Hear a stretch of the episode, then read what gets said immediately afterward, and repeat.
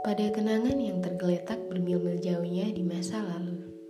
Kadang, imaji-imaji tentangmu membius ingatanku, lalu kembali diperdaya oleh lamunan-lamunan rindu yang paling menyakitkan. Ratusan bahkan ribuan hari lalu, kita pernah memilih untuk saling memiliki.